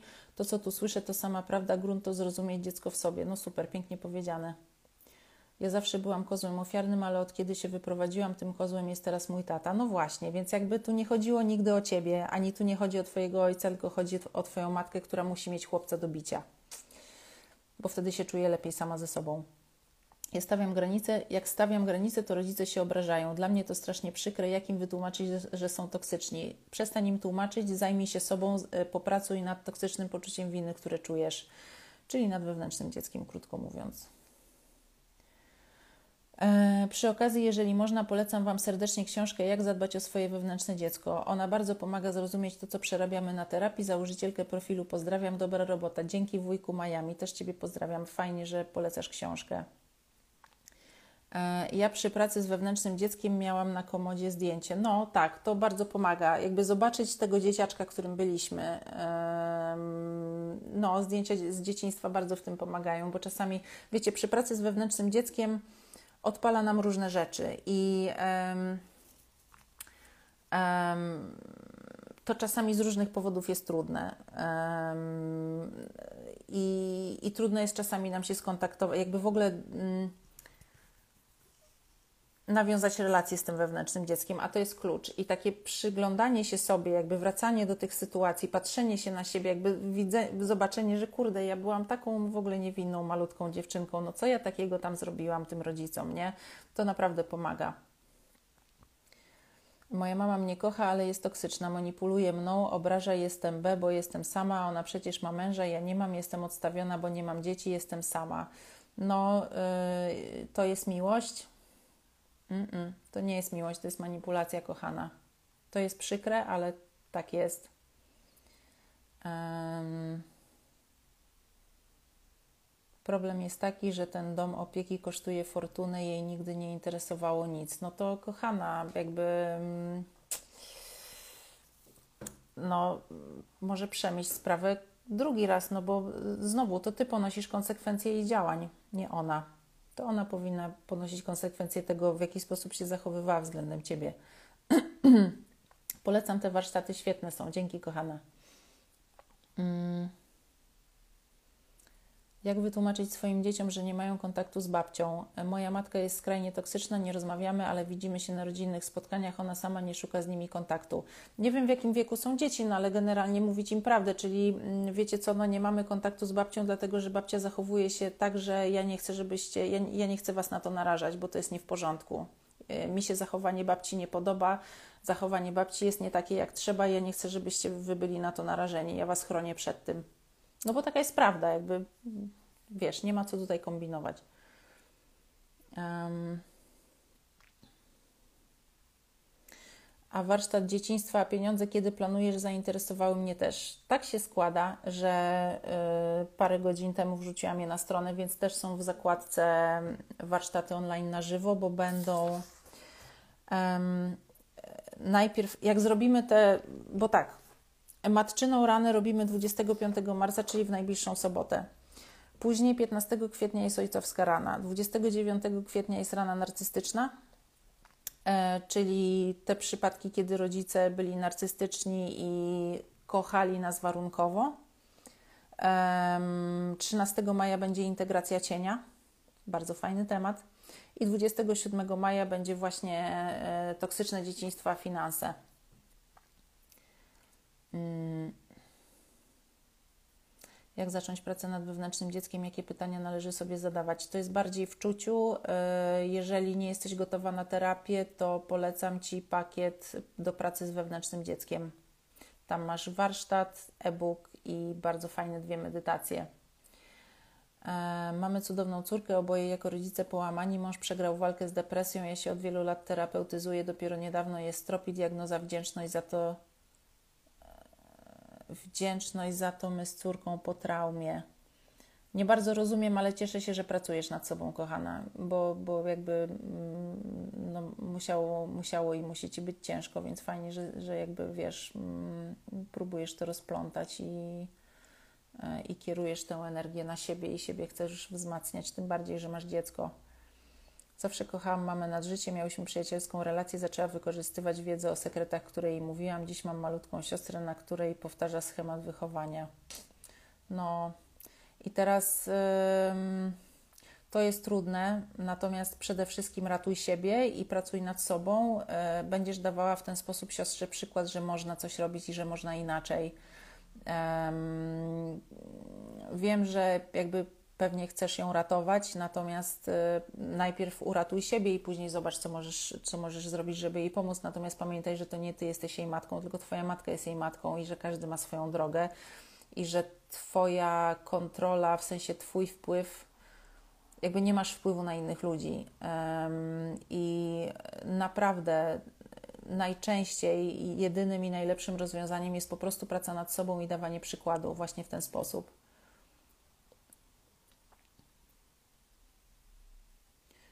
Moja mama ma 25 marca urodziny. Myślisz, że mogę uczestniczyć z nią w tych warsztatach? Jak czujesz? Jak czujesz, kochana? Zapraszam oczywiście. Mam tak jak Klaudia, młodsza siostra, widzę siebie 10 lat temu i to jak ona się męczy z tym samym. No, no to jakby wiecie dziewczyny, no róbcie co w waszej mocy, ale jednocześnie pamiętajcie o sobie e, i jakby o tym, że mm, z pustego nie nalejesz i że maskę w samolocie najpierw się zakłada sobie, a dopiero później innej osobie. Jakby e, jeżeli ty będziesz na minusie, to nikomu nie pomożesz. Znaczy, będziesz pomagała z pozycji braku. Jeżeli się o siebie zatroszczysz, o swoje wewnętrzne dziecko, będziesz w pozycji dorosłej, odzyskasz wewnętrzną siłę i wewnętrzną moc, to jeszcze lepiej będziesz z dorosłej potrafiła swoją siostrę wesprzeć w tym, chociażby dając jej przykład tym, w jaki sposób ty nad sobą pracowałaś, mimo że jesteście dokładnie z tego samego domu, nie? E, warsztaty stacjonarne. E, stacjonarne były kręgi córek, e, być może tak. Natomiast powiem Wam szczerze, że tyle teraz tych warsztatów będzie, bo mam jakąś taką straszną ochotę, że będzie jeden krąg online 8 kwietnia i to będzie jeden, jedyny krąg, który na razie będzie, być może jeszcze jakiś będzie latem, ale nie wiem, na razie nie planuję. Um, a o co chodzi z połączeniem dzieciństwa pieniądze? No, hmm jakby to krótko powiedzieć. Um, dzieciństwo jest naszym fundamentem. To jakby dzieciństwo przekłada się na wszystkie, wszystkie sfery życia, na jedzenie, na wszystko, na relacje oczywiście i na pieniądze też. Um, I teraz, jeżeli mamy na tapecie matki, to jeżeli na przykład Twoja matka była taką bardzo bardzo wymagającą i taką wiecznie potrzebującą i wiecznie nieszczęśliwą i wiecznie po prostu skupiającą na sobie uwagę, to jakby nie ty dostawałaś od niej, tylko ona dostawała od ciebie. I teraz, jeżeli ty nie, nie nauczyłaś się otrzymywać od matki, to prawdopodobnie masz problem z pieniędzmi jakiś. To jest jakby jeden z wątków tej historii wokół kasy. Natomiast E, będzie warsztat 27 maja Dzieciństwa Pieniądze. Jest mnóstwo zależności i warto to przepracować. To jest coś takiego jak lojalność rodowa i, i różne takie. Mm. O, ktoś poleca medytację e, wewnętrznego. E, jeśli macie ochotę, to polecam bardzo. Puśćcie sobie medytację przed snem, na przykład w temacie wewnętrznego dziecka. Pewnie. Czy pani czuje jeszcze to, resztki tej toksyczności w sobie, czy to już pradawna przeszłość, bo, wi, bo wiedza plus terapia za panią to jest proces, który trwa w nieskończoność, moim zdaniem, w sensie proces terapeutyczny i w ogóle dochodzenia do siebie. I oczywiście tak, cały czas mi się odpalają rzeczy, natomiast umiejętność pracy z wewnętrznym dzieckiem i zaopiekowania się tą wewnętrzną dziewczynką sprawia, że umiem sobie z tym radzić i po prostu w momencie, kiedy mi się odpala, to się praktycznie od razu na tym łapię wyobrażam sobie coś, co sprawia, że wewnętrzna dziewczynka czuje się bezpieczna, ja się czuję wzmocniona i podchodzę do, tej, do tego, co tam się wydarza z pozycji osoby dorosłej. Natomiast nie zawsze jest to łatwe. E, jakby, mm, ale no wiecie, to są rany, które nam się przydarzyły w dzieciństwie z rąk naszych rodziców, więc to jest coś ultra grubego, jakby nic, nic gorszego nas nie spotka niż to, co nas spotkało w dzieciństwie, w dzieciństwie z rąk naszych rodziców, więc wydaje mi się, że nigdy, czy każdemu z nas życzę, natomiast y, wydaje mi się, że, że chyba niemożliwe jest doprowadzenie do takiej sytuacji, że, że po prostu znowu jestem jak czysta kartka, jak w momencie, nawet nie wiem, czy to chyba musiało być przed poczęciem, bo już w brzuchu mamy jesteśmy narażeni na różnego rodzaju bodźce, które już nas jakoś tam programują. Um, Natomiast y, to nie zmienia faktu, że warto nad sobą pracować, bo, bo wtedy masz narzędzia, żeby sobie z tym radzić. I, I naprawdę jakby życie nadal jest takie, jakie jest, czyli raz jest fajnie, raz jest niefajnie, ale generalnie żyje się o wiele lepiej i można powiedzieć, że nawet jeżeli cierpisz, to jesteś szczęśliwa w tym sensie, że no, żyjesz w zgodzie ze sobą, e, żyjesz prawdą, e, jakakolwiek ona tam dla ciebie jest. Um, i, i po prostu czujesz się wolna w związku z tym.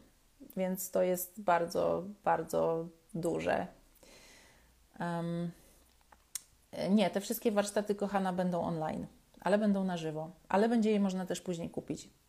Ostatnio zastanawiałam się, jak to jest, że mój brat ma zawsze pieniądze, a mnie się nie trzymają, jak przyjdą. No, to ciekawe. Um, Teraz wiem, że on był złotym dzieckiem, a ja byłam kozłem ofiarnym i stąd ta różnica. No tak, być może wiesz, masz poczucie, że nie zasługujesz, więc skoro nie zasługujesz, no to, no to na pieniądze też nie zasługujesz, więc jak tylko się pojawiają, no to od razu znikają. Może tak być. Dobra, kochani, wracam do pytań, które mi żeście zadali yy, wcześniej. Yy.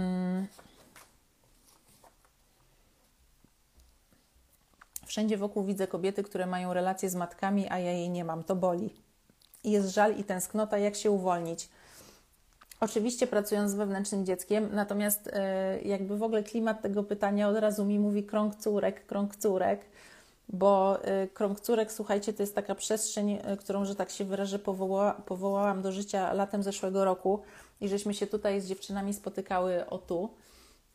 E, I e, no, jest to cudowna sprawa. Teraz to robię online i następny będzie 8 kwietnia. Mm, no to jest piękna, piękna przestrzeń, gdzie siedzimy sobie z kobietami i, e, i jesteśmy właśnie córkami, które się dzielą różnymi tam swoimi bolączkami, ale też radościami. I to jest piękna przestrzeń, dlatego że często mając matczyną ranę właśnie, my mamy bardzo małe zaufanie do kobiet i nie lubimy kobiet i nie potrafimy z nimi w ogóle być a tutaj jest sobie przestrzeń, w której okazuje się, że my wszystkie jesteśmy takie same tak naprawdę gdzieś tam pod spodem, że nasze historie różnią się tylko szczegółami, e, że mamy bardzo podobne mechanizmy i to jest tak niesamowite, bo jesteśmy tak różne, ale jednocześnie tak podobne i to, że się przed sobą otwieramy i naprawdę mówimy sobie o rzeczach, których nikomu często nie mówimy.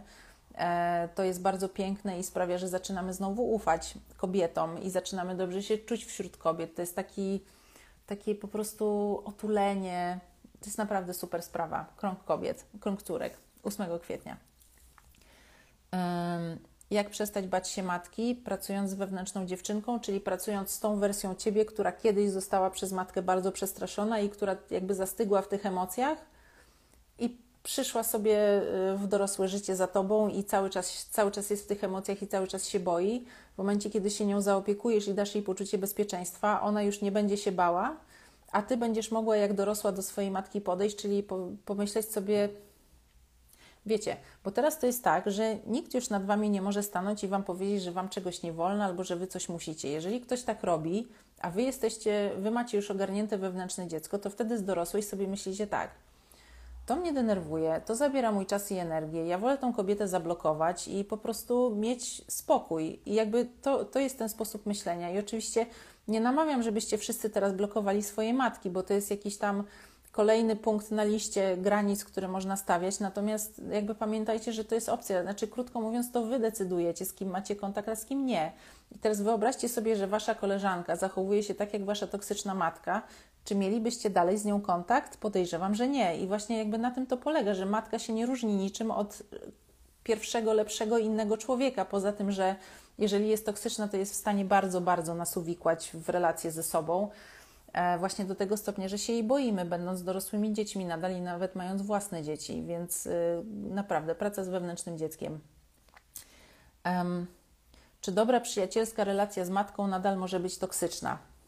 To pytanie jest bardzo ciekawe, no bo dobra przyjacielska relacja z matką. E, jeżeli kochana, znaczy podejrzewam, że Twoje pytanie wynika z tego, że masz wątpliwości, czy ta relacja rzeczywiście jest dobra i przyjacielska. Więc jeżeli masz wątpliwości, to prawdopodobnie coś jest na rzeczy. Generalnie Wiecie, co często jest tak, że właśnie rozmawiamy sobie na, na sesjach yy, yy, najczęściej z kobietami, bo większość moich klientek to są kobiety.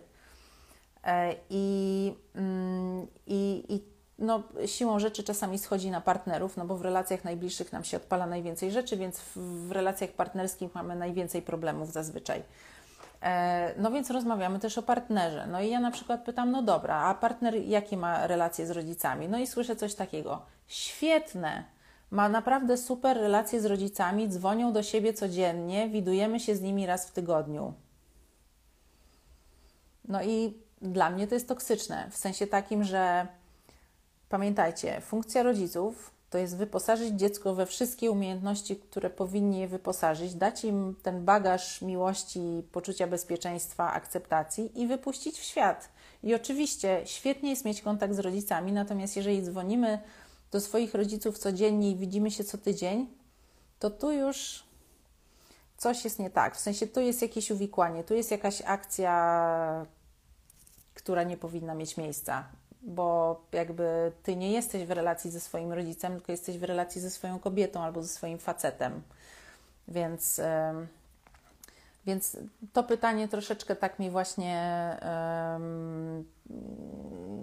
przywodzi na myśl, że jednak ta e, dobra i przyjacielska relacja to gdzieś tam pod spodem ma coś niedobrego. Tym bardziej, że o to pytasz, więc pewnie coś jest na rzeczy. Wiecie, przyjaźń z rodzicem może się wytworzyć, jak już jesteśmy dorosłe, dorośli. E, I rzeczywiście ten rodzic w taki sposób pokierował naszą relacją od dziecka do teraz, że my mamy ochotę z tym rodzicem przebywać, mamy ochotę z nim, nie wiem, wyjechać na wakacje czy coś tam. Natomiast jeżeli e, relacja z rodzicem jest na tyle intensywna, że na przykład sprawia, że my zaniedbujemy swoją rodzinę, albo że my na przykład nie wchodzimy w relacje z facetem czy babką, bo jesteśmy tutaj bardzo zajęci byciem blisko z mamą, to już jest coś nie tak, nie? Znaczy, jak, nie, nie tak to powinno wyglądać, więc warto się przyjrzeć. Um, jak reagować na zaczepki toksycznej matki do mojego syna? Um, ratować go przed tym. Twoim obowiązkiem jest ratować swoje dziecko przed toksycznymi ludźmi, nawet jeżeli to jest Twoja matka, zwłaszcza jeżeli to jest Twoja matka to jest Twój po prostu obowiązek. Rzadko używam tego słowa, ale naprawdę y, jakby to wszystko, co tutaj robimy, jest po to, żeby przerwać ten dysfunkcyjny ciąg i łańcuch, który idzie przez pokolenia, i żeby się skończył na nas, żebyśmy my nie powielali różnych rzeczy, które się działy w naszych domach, żebyśmy nie, nie powielali tego dalej. I jakby ochrona naszych dzieci jest gigantyczną częścią tego. Mm. Mama ofiara ojca, przemoc i alkohol, ogarniała dom, kasę, skakała wokół niego, jaki wpływ na córki. Um, skakała wokół niego, a nie wokół was, czyli, znaczy też nie mówię, że rodzic powinien skakać wokół dziecka, bo nie powinien, natomiast y, jakby skakała wokół ojca, czyli wy byłyście trochę gdzieś tam na uboczu, no bo tak to jest z dysfunkcjami. Jak jest dysfunkcja, to um, jakby dysfunkcyjna rodzina skupia się na dysfunkcji, a nie na dzieciach. Więc emocjonalna nieobecność ojca, bo pił, i matki, bo była skupiona na ojcu, była współuzależniona, skoro wokół niego skakała. E, ogarniała dom i kasę, czyli była bardzo w męskiej energii. A, no, ponieważ, ponieważ była emocjonalnie niedostępna, no to masz matczyną ranę. Ojciec też był emocjonalnie niedostępny, to masz ojcowską ranę, czy tam obie macie. Ogarniała dom i kasę, czyli była w męskiej energii, więc macie zakodowany taki obraz, że generalnie facet jest słaby, no bo jak pije, to jest słaby a matka ogarniała dom i kasę, czyli była, była facetem w tym związku. No i teraz to mogło pójść na, w różne strony, że albo wy powielacie ten schemat i uważacie mężczyzn za słabych, a same jesteście w męskiej energii i przyciągacie facetów, którzy są w tej bardziej kobiecej. Na tym pracujemy na kręgach córek też. No i jakby plus wpływ na wszystko inne, na relacje, E, bo e, być może w relacji właśnie też jesteś w męskiej energii, więc przyciągasz facetów, którzy są słabi, albo wręcz przeciwnie, wchodzisz w rolę ofiary, tak jak, nie wiem, ojciec czy tam matka, no bo to, to różnie mogło wyglądać. Natomiast któryś z rodziców prawdopodobnie wchodził w rolę ofiary. Różnie. Natomiast zawsze to idzie w skrajnościach w jednej albo w drugiej. E, natomiast to ma przełożenie na Twoje zdrowie, na Twoje poczucie własnej wartości, na Twoją relację z pieniędzmi, na Twoją relację z jedzeniem, na Twoją relację z innymi ludźmi, na Twoją relację ze światem w ogóle. Na wszystko. E, dzieciństwo wpływa na wszystko, na wszystkie sfery naszego życia. Jest naprawdę ultra fundamentem i my w dysfunkcyjnym dzieciństwie wykształcamy sobie mnóstwo mechanizmów, żeby sobie z tym radzić I te mechanizmy nam najpierw służą, bo są, no, jakby pozwalają nam w ogóle to przetrwać, natomiast później w dorosłości stają się bardzo e, trudnym bagażem, który nosimy e, i, i który przekłada się no, na wszystkie sfery życia, właśnie. A co jeśli dla mojego dobra najlepiej zerwać kontakt z mamą? Mam 30 lat i nie mieszkamy razem. No, jeżeli tak czujesz, no to tak rób. Czasami rzeczywiście to jest ostateczność, ale mm, pamiętajcie, że e, nie mamy wpływu na inne osoby, mamy wpływ na siebie i, i jakby Twoja matka jest taka, jaka jest, zachowuje się tak, jak się zachowuje, co Ty na to? Czy Tobie to pasuje, czy Tobie to odpowiada, czy Ty chcesz dalej sobie pozwalać na na to, żeby być tak traktowaną. Jeżeli nie, no to zrób coś z tym. To ci z nieba nie spadnie, nikt ci tego nie da, tym bardziej niedysfunkcyjna matka. Jakby toksyczna matka o ciebie nie zadba, ty sama musisz o siebie zadbać. Więc jeżeli odcięcie się od niej jest formą zadbania o siebie, bo wszystkie inne formy nie zdały rezultatu i jakby to stawianie granic nie, nie przyniosło skutku, no to, no to tak, to oczywiście tak. Pamiętaj, że robisz to z jakiegoś powodu. Nie wyssałaś sobie tego z palca i nie wpadłaś nagle na pomysł, a zerwę kontakt z matką. No, tylko jakby ja wiem, że to jest trudna decyzja i ja wiem, że to jest giga proces i to jest ultra trudne, to nie jest łatwe, natomiast czasami nie ma wyjścia. Mm. Jak wpływa na dopiekuńczość matki na dorosłe życie? Znowu, na miliard sposobów. Ale właśnie to, co jest ważne, to to, żebyście wiedzieli, że nadopiekuńczość to też jest dysfunkcja bo jeżeli jesteśmy nadopiekuńczy, to wyręczamy nasze, nasze dzieci w różnych e, dziedzinach życia. Natomiast funkcją rodzica jest przygotować dziecko do życia, a życie jest takie, jakie jest, jest fajne i niefajne. W życiu ma się też obowiązki, w życiu się ponosi odpowiedzialność, w życiu się podejmuje decyzje, w życiu dokonuje się wyborów. E, do tego też rodzice e, powinni przygotować. Więc nadopiekuńczość matki może wpływać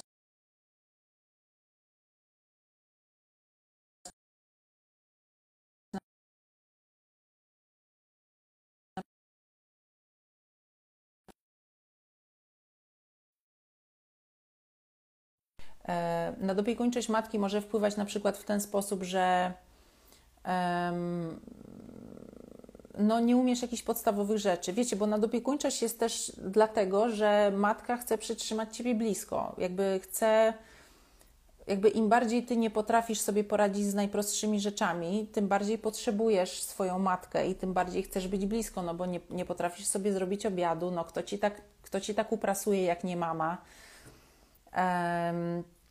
I jakby to jest też sposób uzależniania dzieci od siebie, y, i to jest bardzo dysfunkcyjne, bo jakby dziecko jest po to, żeby wyszło w świat i zakładało swoją rodzinę albo tam żyło po prostu po swojemu, natomiast nie po to, żeby kręcić się wokół mamusi i pilnować, czy mamusia aby się dobrze czuje. Mamusia jest dorosłą osobą i powinna sama o siebie dbać, bo każdy dorosły odpowiada za swoje emocje, za swoje życie, za swoje wybory za swoje decyzje yy, i generalnie za siebie, więc tak. Matka alkoholiczka, postawione granice, ucięty kontakt, a przez to wyrzuty sumienia. Jak przestać? Pracować nad toksycznym poczuciem winy przez pracę z wewnętrznym dzieckiem. E, jak wybaczyć mamie i poradzić sobie ze złością na nią? No i to jest właśnie piękne pytanie dotyczące przeżywania żałoby po stracie. Nie fiksujcie się na wybaczeniu. Wybaczenie jest ewentualnie gdzieś tam jeszcze po akceptacji, natomiast wybaczenia w ogóle nie ma nawet w fazach przeżywania żałoby po stracie. Dążymy do akceptacji, czyli do tego, że okej, okay, e, oczywiście akceptacja jest na końcu, natomiast te wszystkie trudne uczucia, o których mówisz, są wcześniej i trzeba je po prostu przeżyć.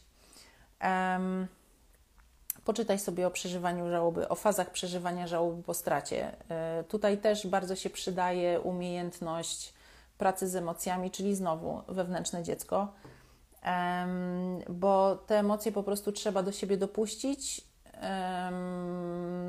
zobaczyć, przeżyć, poczuć i przepuścić przez siebie. Jeżeli opieramy się emocjom, one są, one tym bardziej w nas rosną. Jeżeli pozwalamy im przez siebie przejść, to one po prostu jak fala przez nas przechodzą, e, co nie zawsze jest łatwe. Natomiast y, wiecie, jak my wychodzimy z dysfunkcyjnego domu, te emocje wydają nam się czymś takim w ogóle, o Boże, my sobie nie poradzimy, to jest takie straszne, ja w ogóle się załamię. Ale to jest dlatego, że nikt nas nie uczył sobie z tymi emocjami radzić, bo nasi rodzice też tego nie potrafili. Natomiast emocje są bardzo proste. w sensie, znaczy są i nie są. E, natomiast jak się już jakąś robotę zrobi, to emocje są naprawdę bardzo proste i, i tam nie ma w zasadzie nad czym się zastanawiać, po prostu trzeba czuć i, i dawać im przez siebie przepływać. E, I to wtedy praktycznie nie boli, tylko po prostu jest taką ulgą. Więc e, polecam pracę nad sobą i pracę z wewnętrznym dzieckiem. E, czy taka matka jeszcze kiedyś będzie się interesowała córką, wnuczką? No, taka matka prawdopodobnie nie. E, jeżeli do tej pory się nie interesowała, to są duże szanse, że nie będzie się interesowała. Natomiast matka to jest matka, a ty jesteś ty i twoja córka to jest twoja córka, e, więc jakby zajmij się wami. Nie, nie patrz na matkę, tylko to, czego oczekujesz od matki, sama naucz się sobie dawać przez pracę z wewnętrznym dzieckiem. Jak dać córce wszystko, o czym mówicie, żeby nie miało braków i deficytów w życiu dorosłym? Jak zwykle, pracując nad sobą. Jak, jak będziesz pracować nad sobą i nad swoim wewnętrznym dzieckiem, to jakby im, im częściej będziesz to robić, tym częściej będziesz miała kontakt z dorosłą częścią siebie. A dziecko Twoje potrzebuje Ciebie w tej dorosłej części. Dziecko nie chce, żebyś Ty była wewnętrzną dziewczynką, kiedy przy niej jesteś, tylko chce, żebyś była dorosła, bo ona wtedy Ci ufa, Ty jesteś wtedy silna, wewnętrznie godna zaufania, nie rzucasz słów na wiatr, jesteś takim filarem, na którym ona się może oprzeć. Więc po to pracujemy z wewnętrznym dzieckiem, żeby być w dorosłym i żeby być jakby odpowiedzialnym, dojrzałym człowiekiem w relacji y, z, ze swoim dzieckiem. I wtedy ty od razu wiesz, co masz robić. Ty nie masz wątpliwości. Jakby będąc w, doros- będąc w kontakcie z tą dorosłą częścią nas, czyli z tą częścią nas, która myśli logicznie, widzi rzeczywistość taką, jaka jest y, i nie daje się e, ponieść emocjom wewnętrznego dziecka e, wszystko jest proste. Tam nie ma żadnych wątpliwości. Decyzje się podejmuje tak. E, naprawdę, jak, jak robimy pracę z wewnętrznym dzieckiem i zaopiekujemy się wewnętrzną dziewczynką, to ja zawsze wrzucam coś takiego, dobra, i teraz jak masz połączenie z tym fajnym uczuciem, to weź popatrz na ten problem, z którym przyszłaś, jak go widzisz. I wszyscy mają tak, no tak, no to w ogóle nie jest problem, to już nie jest problem, to w ogóle nie ma żadnego znaczenia, albo ja zrobię teraz to, to, to i to i w ogóle pff, bo tak jest, jak się patrzy z pozycji dorosłego, jakby dorosły każdy problem, który się pojawia, nie widzi jako coś, co po prostu, o Boże, to jest koniec, ja w ogóle tego nie przeżyję i to jest takie okropne, tylko dobra, mamy problem, tak naprawdę to nie jest problem, tylko to jest, nie chcę, żeby to zabrzmiało tak ultra coachingowo, ale to jest jakby wyzwanie czy problem, do którego, który jest zadaniem do wykonania, po prostu. Jakby to się wydarzyło, więc ja teraz mogę zrobić albo to, albo to, albo to. To teraz ja się zastanawiam, dobra, co ja zrobię? Aha, no to zrobię coś takiego i tyle. I działasz, ale nie, nie jesteś w tych emocjach i, i jakby nie, nie pływasz w tym, tylko zajmujesz się wewnętrzną dziewczynką, która te emocje czuje, wracasz do siebie dorosłej i zaczynasz działać wobec tego, co tam się przydarza.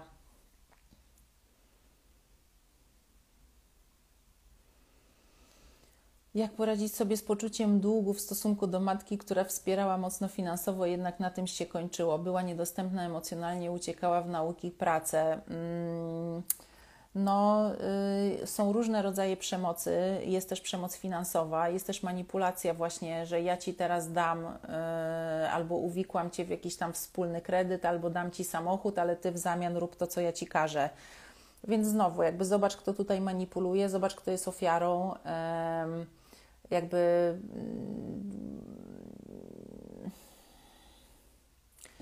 no, y, Twoja matka jako dorosła osoba decydowała, że będzie Ci dawać pieniądze, ma do tego prawo, natomiast jakby nie ma prawa w, jakby w zamian oczekiwać od Ciebie jakichś rzeczy, których Ty nie chcesz jej dawać. E, chyba, że tak, żeście się umówiły na początku, natomiast najprawdopodobniej nie było żadnej rozmowy, bo toksyczni ludzie mm, nie rozmawiają z dorosłą częścią Was, czyli nie, nie umawiają się, nie mówią o faktach, nie zadają pytań, nie ustalają, tylko robią coś, żebyś była uwikłana. Więc teraz ty powinnaś e, jakby pracować nad wywikłaniem się z tego. I, i właśnie znowu jakby mm, toksyczne poczucie winy, bo to, to poczucie długu to jest toksyczne poczucie winy, że ty coś jesteś jej winna. No nie jest tak. Zablokowałam oboje rodziców, niesamowita ulga i wolność. No, czasami nie ma wyjścia. Do, dobry ruch w ogóle, odważny i taki bardzo, mm, no, wierzę, że taki jak trzeba. Moja mama zawsze wolała zrobić coś za mnie, w szkole wymuszała pisanie za mnie wypracowań, a potem wypominała y, to, co robi dla mnie i wyśmiewała, że ja nawet tego nie potrafię. No właśnie klasyk, jakby widzicie, co za perfidia, że sam, sama Cię w ogóle wciągnęła w taką akcję, y, a potem Ci to wypominała. No mm, klasyka gatunku. Dobrze, że to widzisz. Tak, live mam nadzieję będzie zapisany. E, rola ofiary, ojciec pił, mama trwała, jak z tego wyjść? Ja z, z, zagoniona w kąt, cicho, cicho, ciągle słyszane, no, niewidoczne dziecko. Dziś dziecko niemowa, strach przed powiedzeniem czegokolwiek, praca z wewnętrznym dzieckiem. Koniecznie. Mm, mm, mm. Kochani, to było ostatnie pytanie. E, więc zapisuję tego live'a. Bardzo Wam dziękuję. Pamiętajcie, że w niedzielę jest warsztat Matczyna Rana, gdzie będziemy bardzo mocno pracować nad stawianiem granic i nad y, wewnętrznym dzieckiem, które powstało przez nasze relacje z naszymi matkami. Także jeżeli macie ochotę, to Was zapraszam. E, kolejne warsztaty, które będą online na żywo, też są na stronie, więc możecie tam sobie rzucać okiem i korzystajcie. No i kochani, jakby to, z czym chcę Was zostawić, to to, że jak jesteśmy w wewnętrznym dziecku, to my widzimy świat przez jakby bardzo krzywy filtr, który zakrzywia nam rzeczywistość. I jak zaczynamy pracować nad tym, to nagle pozbywamy się tego wszystkiego, co zostało nam nałożone, i dopiero wtedy dochodzimy do tego, kim my naprawdę jesteśmy i czego my naprawdę potrzebujemy, i to jest jakby istota bycia i życia, jakby dochodzenie do tego, kim ja jestem i jak ja chcę żyć, bo to jest Twoje życie. E, twoja mama miała swoje życie i je nadal ma, więc niech je tam sobie robi jak chce. Natomiast ty masz swoje życie i korzystaj z niego i jakby rób swoje, bo to jest jedyna rzecz, y, na którą masz wpływ. I um, wiecie, to też jest tak, że jak zaczynamy nad sobą pracować, to stajemy się takim trochę światełkiem e, i zaczynamy świecić y, sobie po prostu, bo już mamy coś tam przepracowane i to oświetla drogę też innym ludziom. I to też kieruje do tych z Was, które mówiły o tych młodszych siostrach, które zostały w toksycznym domu że jakby to jest ten przypadek, że rób swoje, zawsze rób swoje, paluszek na siebie i nad sobą pracuj. I wtedy jakby prostując swoje wnętrze, prostujesz wszystko, co jest na zewnątrz i prostują się też inne Twoje relacje. Jakby nie masz wpływu bezpośredniego na innych ludzi, natomiast przez to, że Ty się zmieniasz, to inne osoby też muszą w jakiś sposób się do tego ustosunkować. I generalnie, jak zaczynasz pracować nad sobą, jak sobie prostujesz te wszystkie mechanizmy, jak zrzucasz z siebie ten syf, który tam od pokoleń na ciebie e, spływał, to jakby wiecie, co w środku, to na zewnątrz. To, co jakby życie, które obserwujesz, relacje, które masz, są odzwierciedleniem tego, co masz w środku. Im bardziej uporządkowane jest Twoje wnętrze, tym bardziej uporządkowane są Twoje relacje ze wszystkimi, ze wszystkimi e, i ze wszystkim, więc naprawdę to od nas się zaczyna zmiana, nie od naszych matek, tylko od nas, więc e, korzystajmy z tego, korzystajmy z tego, że mamy wolną wolę, korzystajmy z tego, że mamy różne narzędzia, korzystajmy z tego, że są ludzie, którzy już przez to przeszli, korzystajmy z tego, że są różne przestrzenie, w których można się spotkać z ludźmi, którzy mają dokładnie tak samo jak my. E, I jakby, no i pamiętajcie też, że, że naprawdę patrzenie przez dorosłe oczy na to, co się działo, to jest klucz. Bo jak widzicie, jako dorosła i dorosły, to, co się Wam przydarzało, to patrzycie na to na trzeźwo i jesteście bardzo szybko w stanie powiedzieć, co to było tak, a co było nie tak. I, um, I wtedy tak naprawdę toksyczne poczucie winy i te inne trudne emocje, które nam towarzyszą, znikają. Więc, kochani, trzymajcie się. Jutro jest znów i pierwszy dzień wiosny, e, a to oznacza nowe początki. Więc e, jeżeli potrzebujecie e, jakiegoś impulsu i sygnału, żeby coś zacząć robić, to może właśnie nadchodząca wiosna jest takim momentem bo to jest generalnie taki moment odrodzenia i teraz będzie Wielkanoc, która się wywodzi z, jakimś tam, z jakichś tam oczywiście pogańskich obrzędów, które właśnie e, mówiły o odrodzeniu, o zmartwychwstaniu, więc jakby korzystajmy z tego i róbmy swoje właśnie w tym kierunku i w tą stronę. Buziaki kochani, trzymajcie się, odzywajcie się w razie potrzeby i jesteśmy na łączach. Buziaki, pa!